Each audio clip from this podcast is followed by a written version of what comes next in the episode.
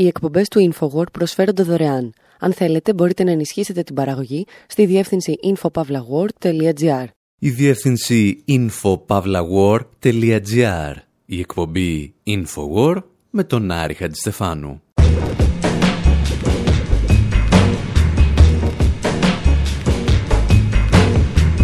όπου σήμερα μποϊκοτάρουμε μεγάλες διοργανώσεις.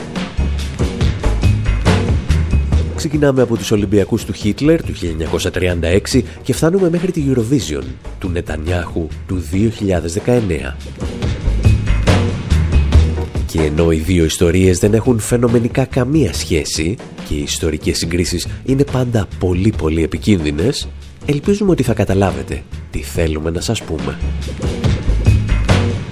Παρακολουθούμε ορισμένους αθλητές να μετατρέπονται σε αντιφασίστες μαχητές στις διεθνείς ταξιαρχίες και από τον Στίβο να περνούν στα χαρακόμματα του Ισπανικού εμφυλίου.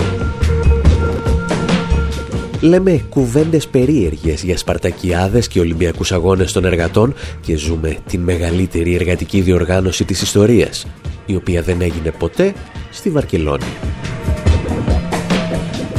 Και ύστερα, αν τυχαίνει να ακούτε αυτή την εκπομπή πριν ή και κατά τη διάρκεια της Κυριακής 5 Μαΐου στην Αθήνα, σας προσκαλούμε στη μεγάλη συναυλία με τίτλο «Φέτος δεν πάμε Eurovision, στηρίζουμε Παλαιστίνη». Σας καλούμε για μπύρες και μουσική, με κάτι τσολιάδες και κάτι ζαραλίκους, κάτι υπόγεια ρεύματα και κάτι ζόρες πιλαλίδες και πολλά ακόμη συγκροτήματα. Αν δεν καταλάβατε, σας προσκαλούμε στη συναυλία της χρονιάς.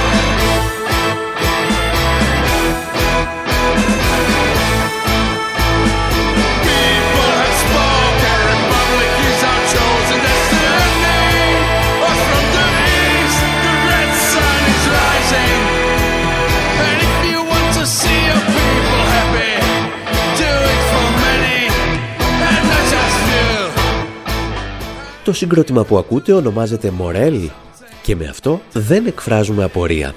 Το όνομα του συγκροτήματος είναι Μορέλ και στο τέλος έχει και ένα ερωτηματικό. Δηλαδή προφέρεται Μορέλ. Το συγκρότημα λοιπόν Μορέλ παρουσιάζει εδώ το άλμπουμ του με τίτλο Olimpiada Popular. Και αν δεν το έχετε ξανακούσει, είναι οι Ολυμπιακοί Αγώνες που θα διοργάνωναν οι δημοκρατικές δυνάμεις το 1936 στη Βαρκελόνη. Οι Μορέλ τραγουδούν δηλαδή για το τέκνο ενός μποϊκοτάζ απέναντι στους αγώνες του Αδόλφου Χίτλερ.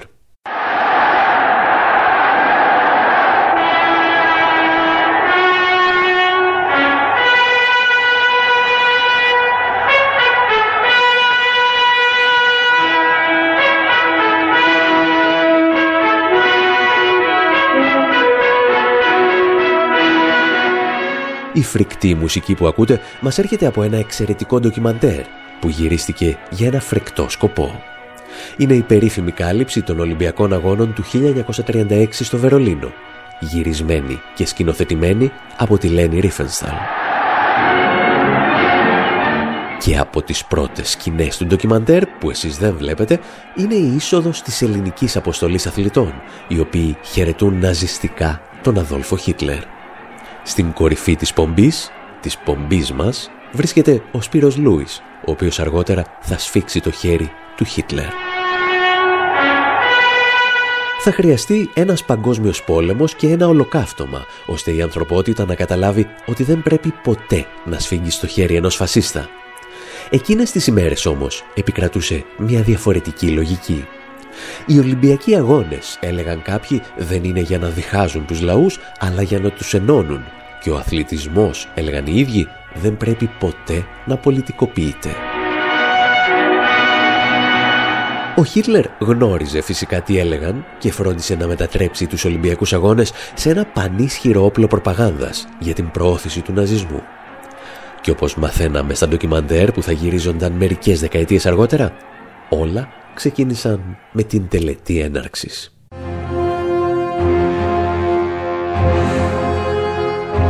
The opening was a big moment for the games. Hitler himself η έναρξη ήταν μια μεγάλη στιγμή για τους αγώνες. Ο ίδιος ο Χίτλερ ήρθε στην τελετή έναρξης. Κατέφτασε με μια γιγαντιαία οχηματοπομπή. Σε ολόκληρη τη διαδρομή και από τις δύο πλευρές τα πεζοδρόμια ήταν γεμάτα από κόσμο. Σε όλη την πορεία υπήρχαν μεγάλες σημαίες με τη σβάστιγκα. Ο κόσμος φώναζε, ούρλιαζε και πετούσε λουλούδια. Οι άνθρωποι χαιρετούσαν ναζιστικά. Πραγματικό παραλήρημα.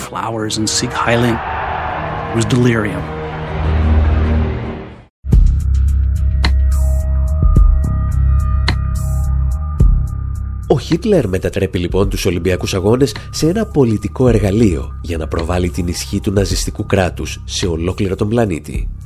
Και μαζί με την ισχύ προβάλλει και τα ναζιστικά ιδεώδη και κυρίως το μίσος του για τους Εβραίους. Εβραϊκές και αριστερές οργανώσεις σε ολόκληρο τον πλανήτη καλούν τότε τους αθλητές και τις κυβερνήσεις της Δύσης να μποϊκοτάρουν τους αγώνες. Για το δυτικό στρατόπεδο όμως, δηλαδή το στρατόπεδο του καπιταλισμού, ο Χίτλερ δεν είναι ακόμη ένας αντίπαλος, αλλά ένας πολύτιμος σύμμαχος. Ήταν η εποχή που οι Ηνωμένες Πολιτείες δήλωναν αμέτωχες στις γεωπολιτικές εξελίξεις της Ευρώπης. Η εποχή όπου μια σειρά αμερικανικών εταιριών όπως η IBM και η General Motors προσέφεραν τα προϊόντα τους στα ναζιστικά στρατεύματα. Το κόμμα του Χίτλερ μάλιστα είχε χρηματοδοτηθεί από αμερικανικές τράπεζες στις οποίες συναντούσε κανείς και τον παππού του George Bush. Παρόμοια όμως ήταν η κατάσταση και στην Ευρώπη. Ακόμη και δύο χρόνια μετά τους Ολυμπιακούς του 1936, οι ισχυρότερες χώρες όπως η Βρετανία έβλεπαν στο πρόσωπο του Χίτλερ έναν σύμμαχο. Το εξηγούσαν τα επίκαιρα της εποχής, όταν υπογράφηκε η Συμφωνία του Μονάχου, η συμφωνία που χάρισε στους ναζιστές στην Τσεχοσλοβακία και τους άνοιξε την πόρτα για τον Δεύτερο Παγκόσμιο Πόλεμο.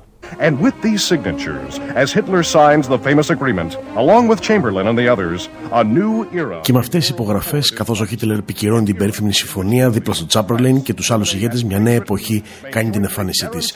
Μια εποχή στην οποία η Ιταλία, η Γαλλία, η Γερμανία και η Μεγάλη Βρετανία μπορούν να εγγυηθούν από κοινού την ειρήνη στην Ευρώπη. Η ιστορία γράφεται εδώ και πιθανώς το τέλος της εθνικής αντιζηλίας.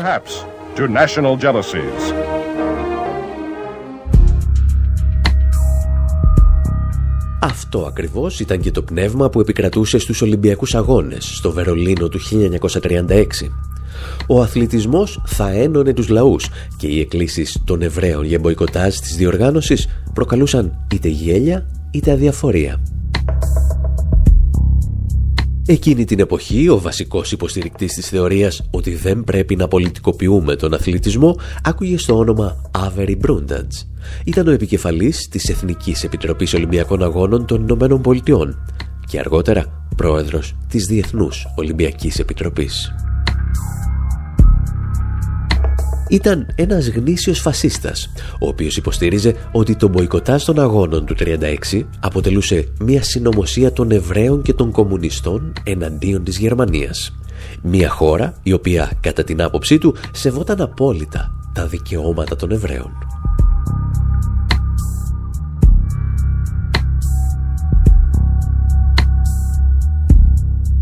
Αν όμως όλες οι χώρες της Δύσης συμμετείχαν στους Ολυμπιακούς Αγώνες του 36, μπορούσε κάποιος να στηρίξει τον μποϊκοτάζ; Θα μπορούσε ο Σπύρος Λούις να μην έχει σφίξει το χέρι του Χίτλερ όταν αυτό ζητούσε η χώρα του;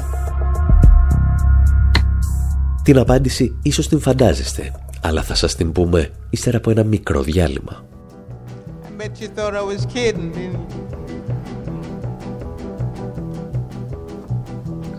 Picket lines, school boycotts. They try to say it's a communist plot.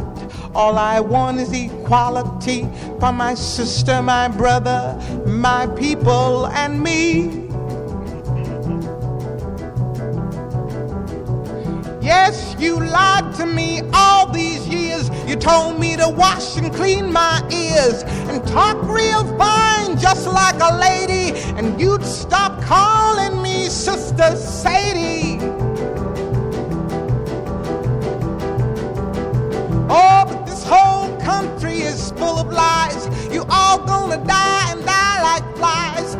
I don't trust you anymore. You keep on saying go slow.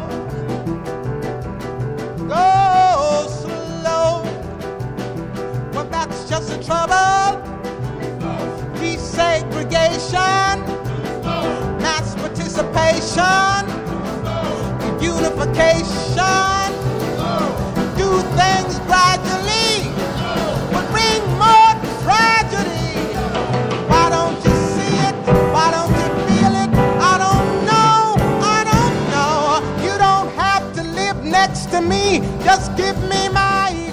Η Νίνα Σιμών τραγουδά για ανθρώπους που θεωρούν ότι τα μποϊκοτάζ είναι σχέδια των κομμουνιστών.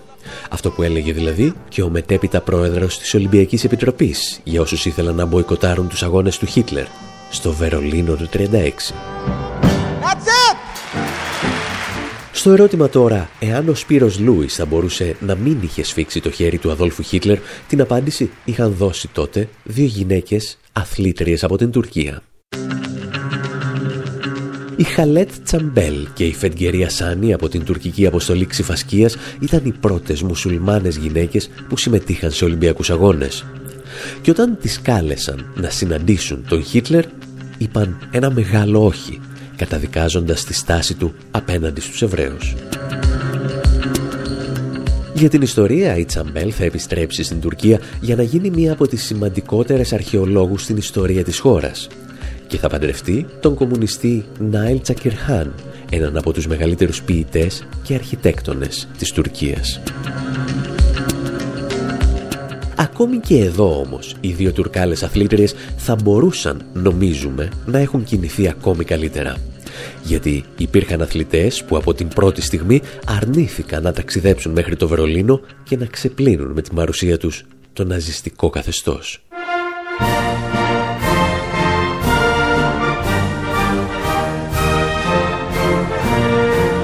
Ανάμεσά τους ο αθλητής ξιφασκίας Άλμπερτ Χούλφ. Αποχώρησε με μεγάλο προσωπικό κόστος από την εθνική ομάδα της Γαλλίας, την οποία εκπροσωπούσε το 36 στο Βερολίνο. Δεν μπορώ να συμμετάσχω σε κάτι που χορηγείται από τον Αδόλφο Χίτλερ, ακόμη και αν πρέπει να το κάνω για τη Γαλλία, είχε δηλώσει τότε ο Γούλφ.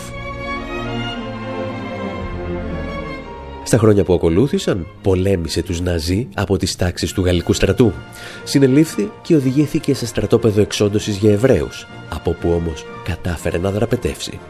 Και ύστερα, αντί να κάτσει στο σπιτάκι του, κατετάγει στον Αμερικανικό στρατό για να συνεχίσει να μάχεται το φασισμό. Γιατί αν αρχίζεις μια δουλειά, πρέπει να την τελειώνεις. Ειδικά αν η δουλειά σου είναι να τσακίσεις τον φασισμό και τους φασίστες.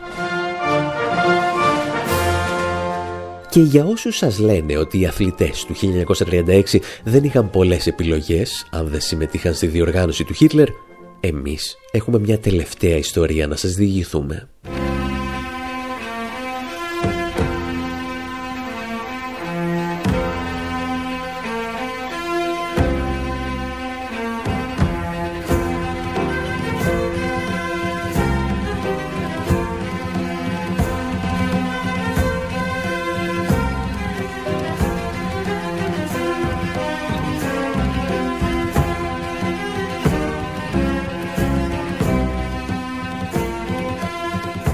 Το 1936 χιλιάδες επαγγελματίες αλλά και ερασιτέχνες αθλητές αποδέχθηκαν τελικά το αίτημα εβραϊκών οργανώσεων να μποϊκοτάρουν τη διοργάνωση του Χίτλερ στο Βερολίνο. Και αντί για τη Γερμανία, ορισμένοι ταξίδεψαν μέχρι τη Βαρκελόνη. εκεί όπου οι δημοκρατικές δυνάμεις διοργάνωναν τους δικούς τους αντιολυμπιακούς αγώνες σαν απάντηση στον ναζισμό. Η λεγόμενη Λαϊκή Ολυμπιάδα θα διεξάγονταν μία εβδομάδα πριν από τους αγώνες του Βερολίνου και πέραν των επίσημων αθλημάτων θα περιλάμβανε αγώνες μουσικής, θεάτρου αλλά και τουρνουά σκακιού. Τελικά, η τελετή έναρξης συνέπεσε με τις πρώτες συγκρούσεις του Ισπανικού εμφυλίου και οι αθλητές αναγκάστηκαν να εγκαταλείψουν τη χώρα. Ορισμένοι όμως έμειναν να πολεμήσουν τις φασιστικές δυνάμεις του Φράγκο, του Χίτλερ και του Μουσολίνη. Και η Λαϊκή Ολυμπιάδα δεν ήταν η μοναδική εναλλακτική που είχαν στη διάθεσή τους οι αθλητές που θα ήθελαν να μποϊκοτάρουν τους Ολυμπιακούς Αγώνες του Χίτλερ. Την ίδια περίοδο, ως απάντηση στους αγώνες των Ναζί, διεξάγονταν και η Εργατική Ολυμπιάδα, την οποία διοργάνωνε η Δεύτερη Διεθνής. Και φυσικά υπήρχαν και οι Σπαρτακιάδες της Τρίτης Διεθνούς. Γιατί αν θέλεις πραγματικά να μην μετατραπείς σε πλυντήριο εγκλημάτων πολέμου και εγκλημάτων κατά της ανθρωπότητας, υπάρχει πάντα μία λύση. Σίγουρα έχει προσωπικό κόστος και συχνά χάνεις τη φήμη και τα χρήματα που μπορούν να σου προσφέρουν οι εγκληματίες πολέμου. Μένεις με τον έπαινο του Δήμου και των σοφιστών, τα δύσκολα και τα ανεκτήμητα έβγε, την αγορά, το θέατρο και τους στεφάνους. Αν πάλι δεν σου αρκούν τα δύσκολα και τα ανεκτήμητα έβγε, έχεις σκεφτεί ότι ίσως δεν θα έπρεπε να έχεις γίνει ποτέ αθλητής ή καλλιτέχνης και θα ήταν καλύτερο να δηλώνεις έμπορος;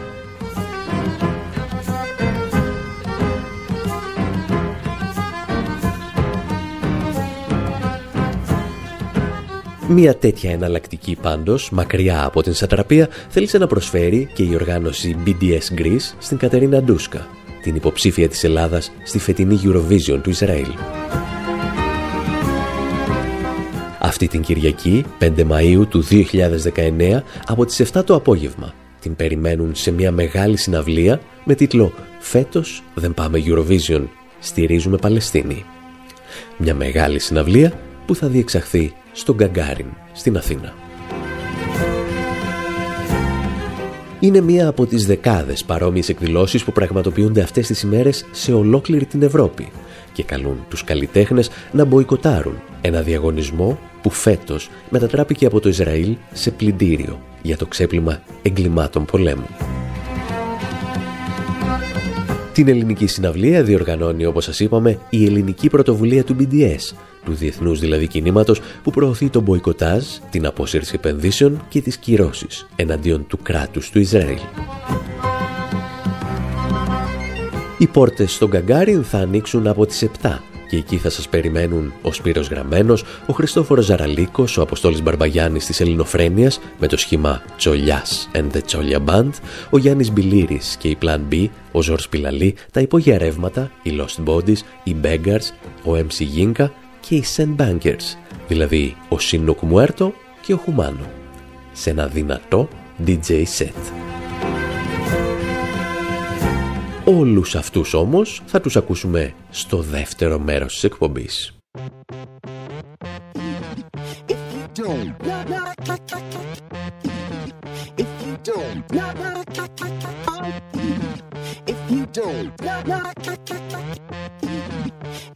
It's not my kind of party if you don't come. It's not my kind of place if it matters where you're from. I refuse to ignore what the host wants to hide. This is not for me. I don't sing for part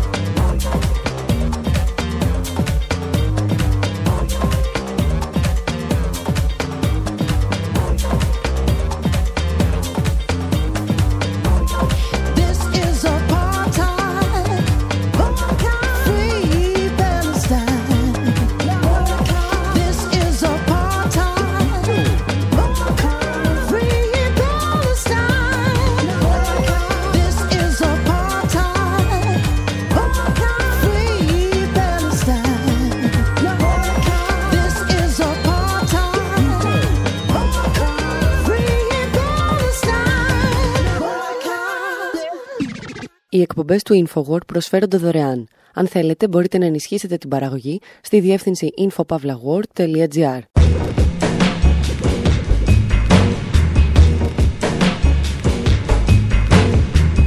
Εκπομπή Infowar, μέρος δεύτερο, σε στυλ αλλεργικά μπουκωμένο. Όπου αφού εξηγήσαμε ότι πάντα υπάρχει ένας τρόπος για να μην γίνει συνένοχος σε εγκλήματα πολέμου, θέλουμε εδώ να σας παρουσιάσουμε τα συγκροτήματα και τους κομικούς που συμμετέχουν την Κυριακή 5 Μαΐου στη Μεγάλη Συναυλία στον Κακάριν με τίτλο «Φέτος δεν πάμε Eurovision, στηρίζουμε Παλαιστίνη». Οι πόρτες θα ανοίξουν στις 7 με ένα DJ set από τους Sen Bangers, δηλαδή τον Σινούκ Μουέρτο και τον Χουμάνο. Γι' αυτό να έρθετε νωρίς, γιατί θα παίζουν τραγούδια σαν κι αυτό του παράξενου.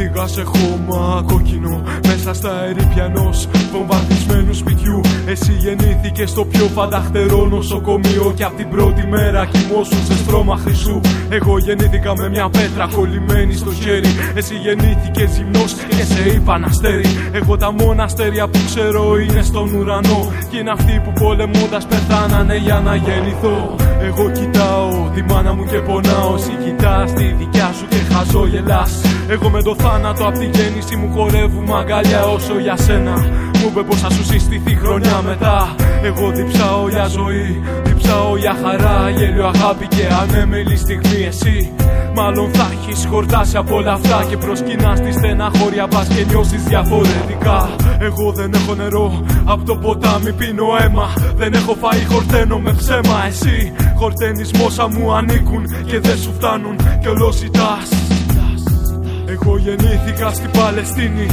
Γεννήθηκα στο Ιράκ Γεννήθηκα στη Βηρητό Έβαψα το πρόσωπό μου με αίμα και χώμα Και στα χέρια μου τη γη μου κρατώ. Τι ωραίο που είναι το δώρο σου απόψε.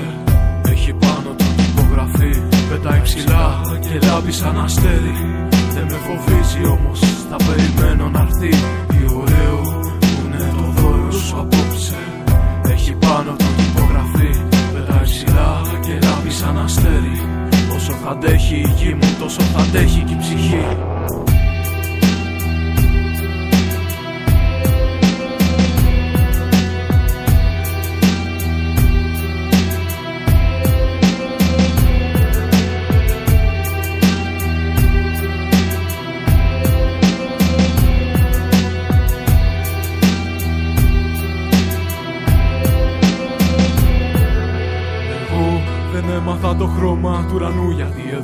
μέρα νύχτα έχει πάντα καπνούς Εσύ από το παράθυρο του σπιτιού Αμέσως μετά το DJ set των Sam Bangers το πρώτο συγκρότημα που θα ακούσετε είναι ο Γιάννης Μπιλίρης και η Plan B. Κρατά απόσταση. Αν δεν αντέχει το ζόρι, μην ξεχάσει κάπου κοντά μου όταν μοιράζονται οι ρόλοι. Σαν όταν ήμασταν παιδιά, κάποιοι κλέφτε, κάποια αστυνόμοι. Είναι μεταδοτικό και τίποτα δεν σε σώζει. Κρατά απόσταση. Αν δεν αντέχει το ζόρι, μην ξεχάσει κάπου κοντά μου όταν μοιράζονται οι ρόλοι. Σαν όταν ήμασταν παιδιά, κάποιοι κλέφτε, κάποια αστυνόμοι. Είναι μεταδοτικό και τίποτα δεν σε σώζει. Μπήκες και πάλι σε λάθος δουλειές. Καλές συμβουλές μα πίσω χιλιόμετρα. Δε στο λαιμό σου φιλιέ. Καντοφελιτέ σου προσφέρουν μια πέτρα βαριά. Για σιγουριά, πώς θα βουλιάξει παντοτινά. Κι αφού δεν παίζει να το παλέψεις, χαιρέτα τον κέσσερα φασιστικά και ντεγιά. Μπήκες και πάλι και αλλάζεις κανάλι, μα πάλι το ίδιο φθηνό καρναβάλι. Γλώσσα ροδάνει, κανείς δεν με πιάνει πάνω από το κεφάλι σου. Χώμα και φτιάρι τριμμένο το ζάρι σου λένε χαλάλι. Σε βάζουν να παίξεις και χάνεις και πάλι ρωτάς ποιος σου φταίει. Σου λέω ξανά το ξέρω σου κεφάλι. Κρατάω την έμπνευση, κρατάω το πάθος. Κρατάω τι θα θέλες και εσύ κατά λάθος. Κρατάω την έμπνευση, κρατάω το πάθος. Κρατά, κρατά, κρατά, κρατά, κρατά απόσταση. Αν δεν αντέχει το ζόρι, μην ξεχάσεις κάπου κοντά μου όταν μοιράζονται οι ρόλοι. Σαν όταν ήμασταν παιδιά, κάποιοι κλέφτες, κάποια αστυνόμοι. Είναι μεταδοτικό και τίποτα δεν σε σώνει. Κρατά απόσταση. Αν δεν αντέχει το ζόρι, μην ξεχάσεις κάπου κοντά μου όταν μοιράζονται οι ρόλοι. Σαν όταν ήμασταν παιδιά, κάποιοι κλέφτες, κάποια αστυνόμοι. Είναι μεταδοτικό και τίποτα δεν σε σώνει.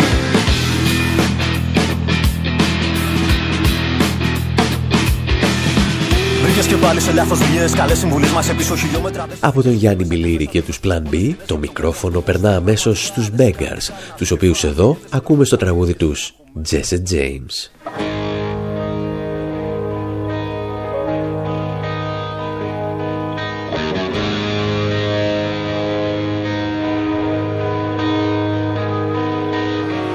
Bad luck, he Jesse James on the day Bob Ford was born.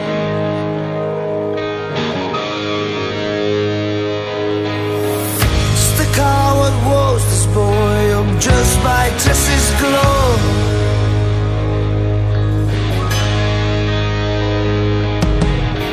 Miserably born, he was always the unknown.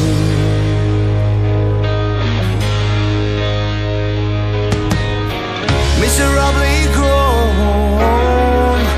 He will never still just his glory.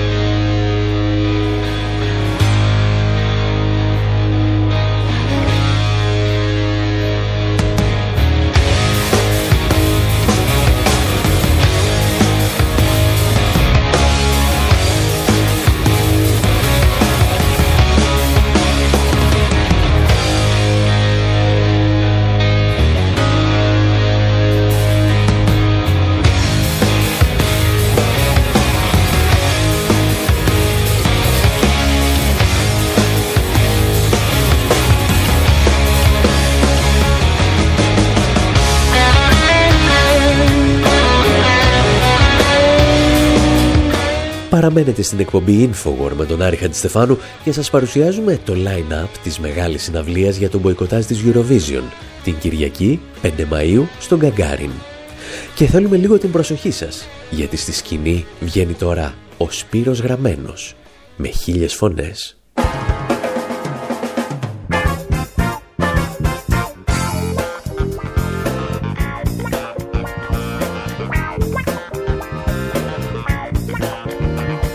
Φωνές, χίλια τραγούδια και χίλιοι μπάτσι αγγελούδια. Και ένα σύνθημα γραμμένο σε έναν τοίχο με έκανε απόψε να σκεφτώ αυτό το στίχο. Γράφω αστεία τραγουδάκια για τον έρωτα. Μα κάτι ώρες βλέπω πράγματα ξενέρωτα. Και εκεί που είμαι αραχτός και ερωτευμένος, βλέπω του κράτους το φρουρό και μου χαλάει τον ηρμό γαμημένος.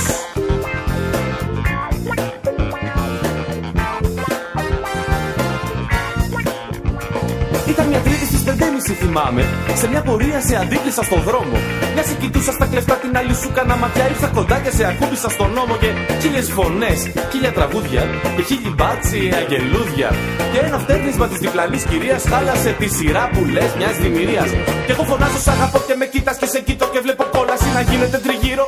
Και τι να γράψω, τι να πω, τι να σου τάξω στο χαμό. Θέλεις να πιάσω ένα μπάτσο να τον δείρω. Θες μια σπίδα, θες ένα γλό. Θες να ξυλώσω ένα στόχο, θες να κεράσω μια ρετσίνα ή λίγο γύρω. Ο Σπύρος Γραμμένος θα δώσει το μικρόφωνο στον τσολιά της ελληνοφρένειας, δηλαδή στον Αποστόλη Μπαρμπαγιάννη, με το σχήμα «Τσολιάς and the Τσόλια Band». Εδώ, σε ένα τραγούδι με τον Σπύρο Γραμμένο. Ιστορίες για τράπεζες.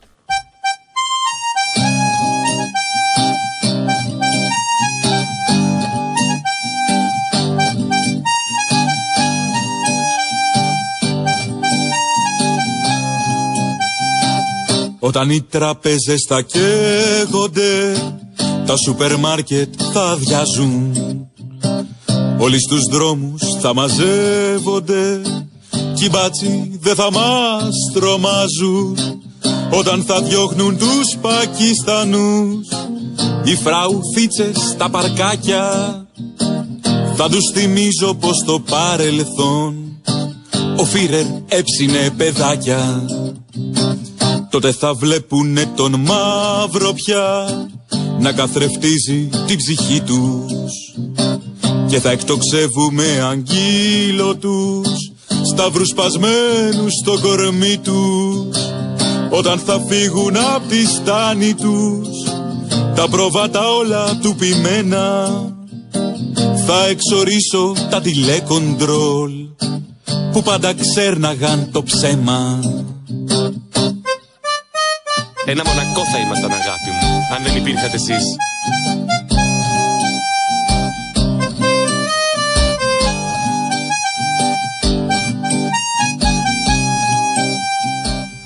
Ο Τσολιάς ολοκληρώνει λοιπόν την παρουσία του στη μεγάλη συναυλία στον Καγκάριν για να δώσει τη θέση του σε κάτι χαμένα κορμιά, τους Lost Bodies. Εδώ τους ακούμε σε ένα τραγούδι που ακούμε φανατικά κάθε 15 Αύγουστο.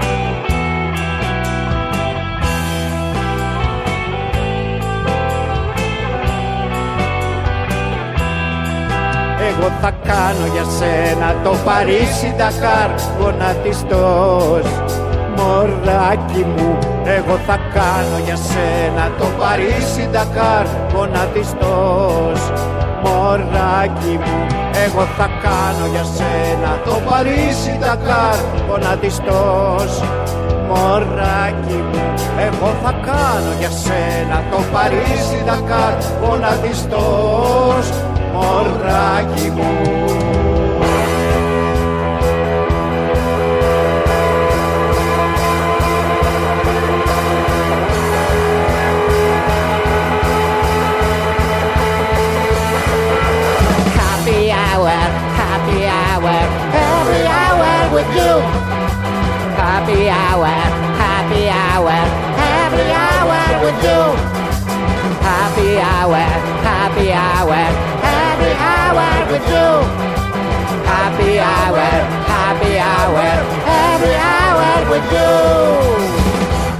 Η συναυλία για τον μποϊκοτάζ της Eurovision στις 5 Μαΐου στον Καγκάριν, όπως έχετε καταλάβει, δεν είναι μόνο μουσική.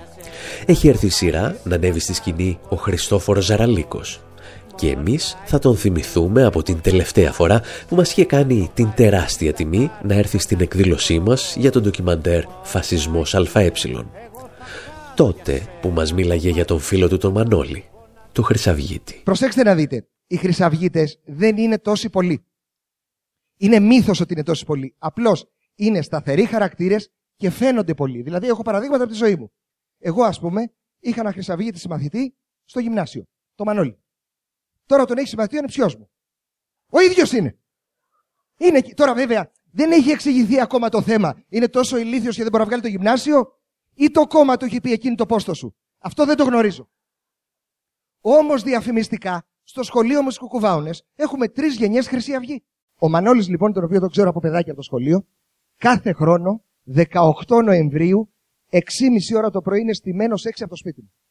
Περιμένει πότε θα ξυπνήσω να με δει. Ξέρει ότι την προηγούμενη μέρα έχω πάει στην πορεία του Πολυτεχνείου. Και με περιμένει κάθε χρόνια, παιδιά, αυτή η ιστορία. Με το που βγαίνω έξω με τη ζύμπλα στο μάτι. Πού σου είναι αυτέ. Έχει και αυτό που τα λένε πυκνά τα φωνή. Σαν να ακούς Σλοβένικα. Πού του είναι αυτέ, σου λέω. Ο μόνος που μιλάει έτσι και δεν είναι Χρυσαυγίτης είναι ο Μπάγκεβιτς. Α στο διάλογο. Πώς του είχε μείνει με τέτοια ομιλία να μην είναι η Χρυσή Αυγή, αυτό είναι περίεργο. Τέλος πάντων, λοιπόν, πού σου είναι χθες; Έλα ρε μαλάκα, του λέω πάλι τα ίδια. Πού ήμουν χθες; Πού σου είναι χθες; Στην πορεία του Πολυτεχνείου. Γιατί; Τι γιατί ρε Μανώλη, κάθε χρόνο δεν πάω. Ναι, πας, αλλά γιατί πας; Τι λέω γιατί πάω; Πάω, κάνουμε την πορεία, πάμε από την πρεσβεία, μουτζώνουμε, πάμε στην πλατεία Μαβίλη, πίνουμε μπύρες, καληνύχτα. Μεταξύ μας αυτό κάνουμε. Μαλάκας είσαι, έχει ένα δίκιο. Εδώ είναι το μόνο μαλάκας που ανέχομαι από Χρυσαυγίτη. Ε, ναι, είναι μαλακία, παιδιά. Άμα το κάνουμε κάθε χρόνο, άμα είναι να μπούμε στην πρεσβεία, να μπούμε. Α το για να κάνουμε τίποτα άλλο εκείνη την ημέρα. Τέλος πάντων, μαλάκα εσύ, του λέω, Όχι, ρε μαλάκα, δεν πάω μόνο για τη βόλτα, πάω για να τιμήσω. Τι να τιμήσεις; Το τάγκς που μπήκε. Του λέω όχι, το τάγκς. Τους νεκρούς. Και έρχεται. Ποιου νεκρούς; Του Πολυτεχνείου. Έχεις βίντεο. Επειδή το 73 δεν είχαμε YouTube, δεν πέθανε κανένας. Καθηγητή πανεπιστημίου ιστορικό να του βάλεις απέναντι, δεν μπορεί αυτό το επιχείρημα να πει τίποτα. Βέβαια, εγώ επειδή είμαι λαϊκό παιδί, του κάνω ρελάνς. Του λέω, Μπαμπί, τι έγινε στη μάχη των πλατεών. Τους γαμίσαμε. Έχεις βίντεο; Τι έγινε στα Δαρδαλέλια. Τους σκίσαμε. Έχεις βίντεο; Στην εκπομπή Infowars συνεχίζουμε με το line-up της μεγάλης συναυλίας με τίτλο «Φέτος δεν πάμε Eurovision, στηρίζουμε Παλαιστίνη» που θα πραγματοποιηθεί στις 5 Μαΐου στην Αθήνα, στον Γκαγκάριν.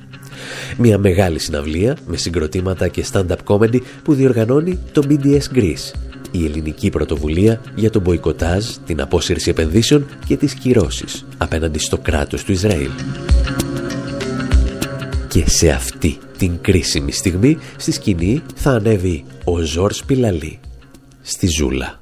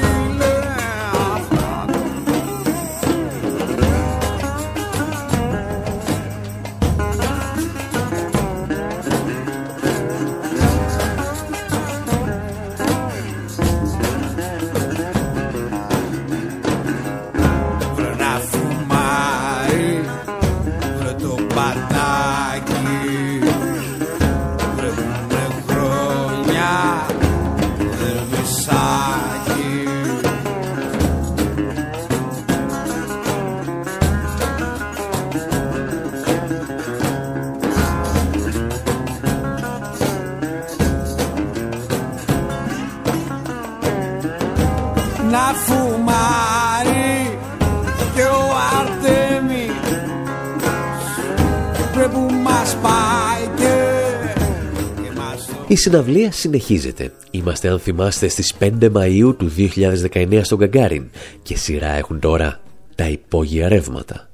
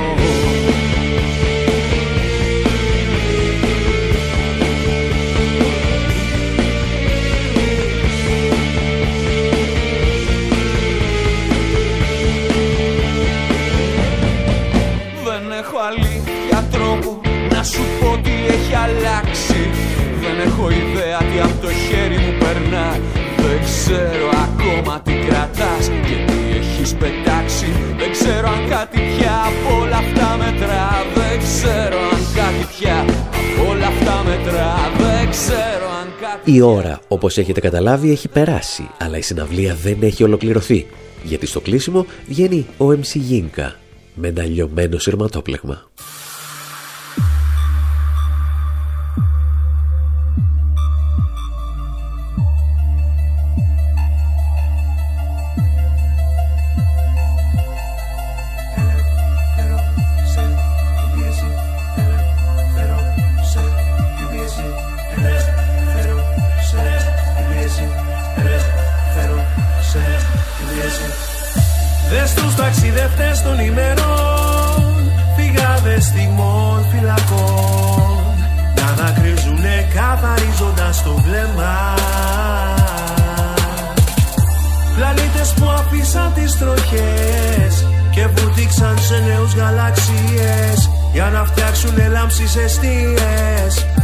Φωτός μπροστά. Οι δικοί μου νέων πρεσβευτές Υπογείοι αστερές Που σε κουνημένες μέρες Ψάχνουν να φέξουν μια πορεία.